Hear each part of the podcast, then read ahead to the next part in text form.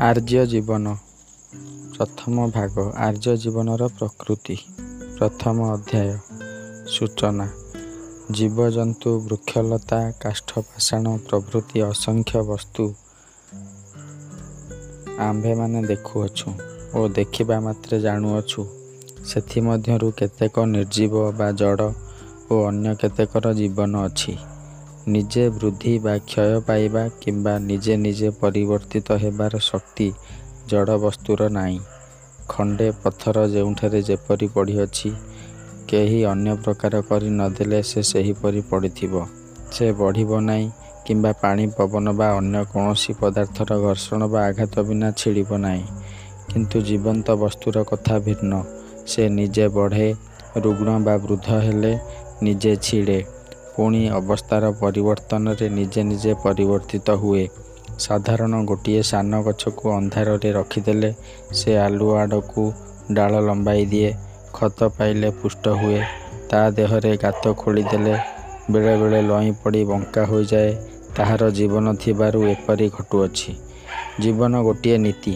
ଏହା ବୃଦ୍ଧି, କ୍ଷୟ, ବିବର୍ତ୍ତନାଦି ଗୋଟିଏ ନିୟମ। ଏହି ନୀତି ଆଭ୍ୟନ୍ତରିକ ଶକ୍ତି ରୂପରେ ଜୀବନ୍ତ ବସ୍ତୁ ମଧ୍ୟରେ ରହିଅଛି। ଏହି ଆତ୍ମଶକ୍ତିମୟ ନୀତି ବଳରେ ଜୀବନ୍ତ ବସ୍ତୁ ନିଜର ଖାଦ୍ୟ ଅର୍ଥାତ୍ ବୃଦ୍ଧି କ୍ଷୟ ପରିବର୍ତ୍ତନର ଉପାଦାନ ସଂଗ୍ରହ କରି ଆତ୍ମବିକାଶ ସମ୍ପାଦନ କରେ। ଜୀବନ ଗୋଟିଏ ଆଭ୍ୟନ୍ତରୀଣ ଶକ୍ତି ହେଲେ ହେଁ ଏହି ନୀତି ହିଁ ତାହାର ପ୍ରଧାନ ଲକ୍ଷଣ। ଏହି ନୀତିର କ୍ରିୟା ଦେଖି ଆମ୍ଭେମାନେ ଜୀବନ ଚିହ୍ନୁ। ଏହି କ୍ରିୟାରେ ପୁଣି ଗୋଟିଏ ପୂର୍ବାପର ଧାରା ବା ପରମ୍ପରା ରହିଅଛି। ସେଥିପାଇଁ ମଧ୍ୟ କୁହାଯାଏ, ଜୀବନ ଗୋଟିଏ ପରମ୍ପରା। ଜୀବନ୍ତ ବସ୍ତୁ ପ୍ରତିଦିନ ବଦଳି ଯାଉଅଛି। ତଳିଠାରୁ ଗଛ ଭିନ୍ନ, ଶିଶୁଠାରୁ ଯୁବକର ପ୍ରଭେଦ ବହୁତ। ପଚିଶ ବର୍ଷ ପୂର୍ବେ ଆମ୍ଭେ ଯାହା ଥିଲୁ ଆଜି ତାହା ନାହୁଁ। ତଥାପି ଏହି ଜୀବନ୍ତ ପରମ୍ପରା ହେତୁ ତଳି ଓ ଗଛ ଏକ ବସ୍ତୁ। ଶିଶୁ, ଯୁବକ ଓ ବୃଦ୍ଧ ଏକ ମାନବ। ବୃଦ୍ଧ ବାଳକଠାରୁ ଶରୀରରେ ଭିନ୍ନ ହେଲେ ହେଁ ବାଲ୍ୟ ବୟସର ସ୍ମୃତି ସଂସ୍କାର ତାହା ଭିତରେ ରହିଅଛି। ସେ ସେହି ସ୍ମୃତି ସଂସ୍କାରକୁ ମୋର ବୋଲି କହୁଅଛି। ଜୀବନରେ ପରମ୍ପରା ନ ଥିଲେ ଏହା ସମ୍ଭବ ହୁଅନ୍ତା ନାହିଁ। ଏହି ସମସ୍ତ ପରମ୍ପରାର ମେରୁଦଣ୍ଡ ସ୍ୱରୂପ ଜୀବନରେ ଗୋଟିଏ ଆଦର୍ଶ ଥାଏ। ଜୀବନ ମୂଳରୁ ଶେଷ ପର୍ଯ୍ୟନ୍ତ ସେହି ଆଦର୍ଶର ଅନୁକରଣ କରେ।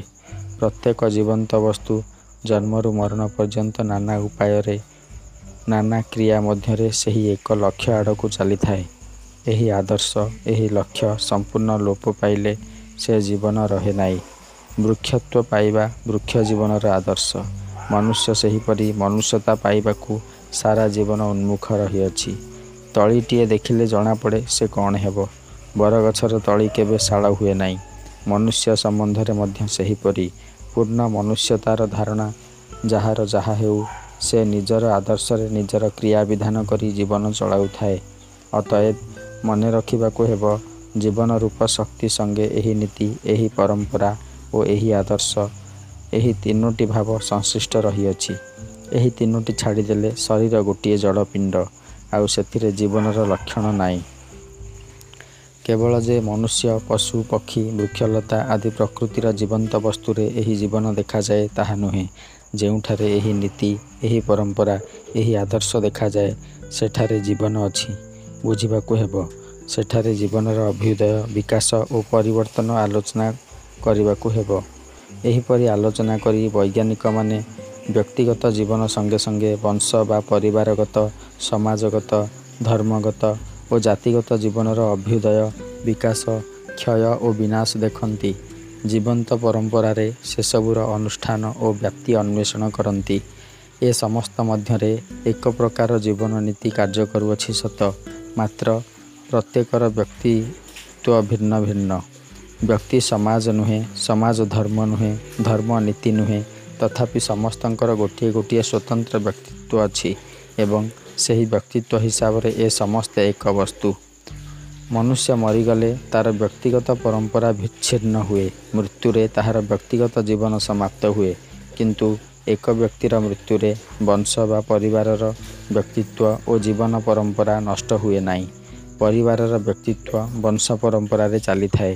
ବ୍ୟକ୍ତିଗତ ଜୀବନରେ ବୃଦ୍ଧ ଯେପରି ଯୌବନର ସୁଖ ଦୁଃଖ ସାଧୁତା ଅପଚାରକୁ ନିଜର ବୋଲି ଅନୁଭବ କରେ ପାରିବାରିକ ବ୍ୟକ୍ତିତ୍ୱ ଫଳରେ ଆମ୍ଭେମାନେ ସେହିପରି ପୂର୍ବପୁରୁଷମାନଙ୍କର ଗୌରବରେ ଗୌରବାନ୍ୱିତ ହେଉ। ଏହି ପାରିବାରିକ ବ୍ୟକ୍ତିତ୍ୱର ଜୀବନ୍ତ ସ୍ମୃତି ପରମ୍ପରା ହେତୁ ଆଜି ହୀନବୀର୍ଯ୍ୟ ହେଲେ ହେଁ ମୀବାରର ସିସୋଦୀୟ ରାଣାବଂଶୀୟମାନେ ଅଯାଚିତ ସମ୍ମାନ ଲାଭ କରନ୍ତି। ପଦ୍ମିନୀ ପ୍ରତାପାଦିଙ୍କର ଜୀବନ୍ତ ସ୍ମୃତି ସେ ପରିବାରର ବ୍ୟକ୍ତିତ୍ୱକୁ ଏତେ ଉନ୍ନତ କରିଅଛି। ସେହିପରି ଗୋଟିଏ ପରିବାର ନଷ୍ଟ ହେଲେ ଜାତି ନଷ୍ଟ ହୁଏ ନାହିଁ। ଜାତୀୟ ବ୍ୟକ୍ତିତ୍ୱରେ ଜାତୀୟ ଜୀବନ ପରମ୍ପରା ଚାଲିଥାଏ। ବ୍ୟକ୍ତି ଓ ପରିବାର ଘେନି ଜାତି ନିର୍ମିତ ସତ୍ୟ, କିନ୍ତୁ ବ୍ୟକ୍ତିର ବ୍ୟକ୍ତିତ୍ୱ ଓ ପାରିବାରିକ ଜୀବନ ପରମ୍ପରାଠାରୁ ଜାତୀୟ ଜୀବନ ସ୍ୱତନ୍ତ୍ର। ବ୍ୟକ୍ତି ଜୀବନରେ ଯେପରି କ୍ରିୟା, ପରିବାର ଜୀବନରେ ଯେପରି ବ୍ୟକ୍ତି, ଜାତୀୟ ଜୀବନରେ ପରିବାର ମଧ୍ୟ ସେହିପରି। ପରିବାର ଓ ବ୍ୟକ୍ତିମାନଙ୍କ କ୍ରିୟାରେ ଜାତୀୟ ଜୀବନର ପରମ୍ପରା ପ୍ରକଟିତ ହୁଏ। କିନ୍ତୁ ଏହା ବୋଲି ବ୍ୟକ୍ତି ବା ପରିବାର ବିଶେଷ ନଷ୍ଟ ହେଲେ ଜାତିର ଜୀବନ ନଷ୍ଟ ହୁଏ ନାହିଁ। ବରଂ ବ୍ୟକ୍ତି ଓ ପରିବାର ନିର୍ମମ ଭାବରେ ଆତ୍ମତ୍ୟାଗ କରି ଜାତୀୟ ଜୀବନକୁ ପୁଷ୍ଟ ଓ ବଳିଷ୍ଠ କରନ୍ତି। ତେଣୁ ଏହି ଜାତୀୟ ଜୀବନକୁ ଜାତିର ଲୋକ ଓ ପରିବାରମାନଙ୍କର ସମୂହ ଜାତୀୟ ବ୍ୟକ୍ତିତ୍ୱରେ ଅନୁସନ୍ଧାନ କରିବାକୁ ହେବ।